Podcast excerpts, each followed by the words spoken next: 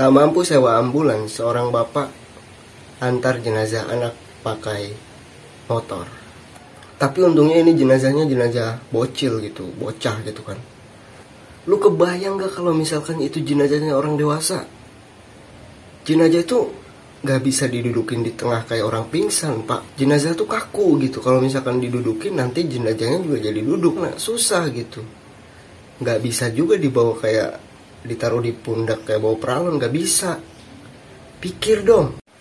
Lagian ini si bapak cuma punya duit 600 harga sewa ambulan 700 cuma beda cepet doang dia nggak mau anter di mana kemanusiaan yang adil dan beradil tuh di mana?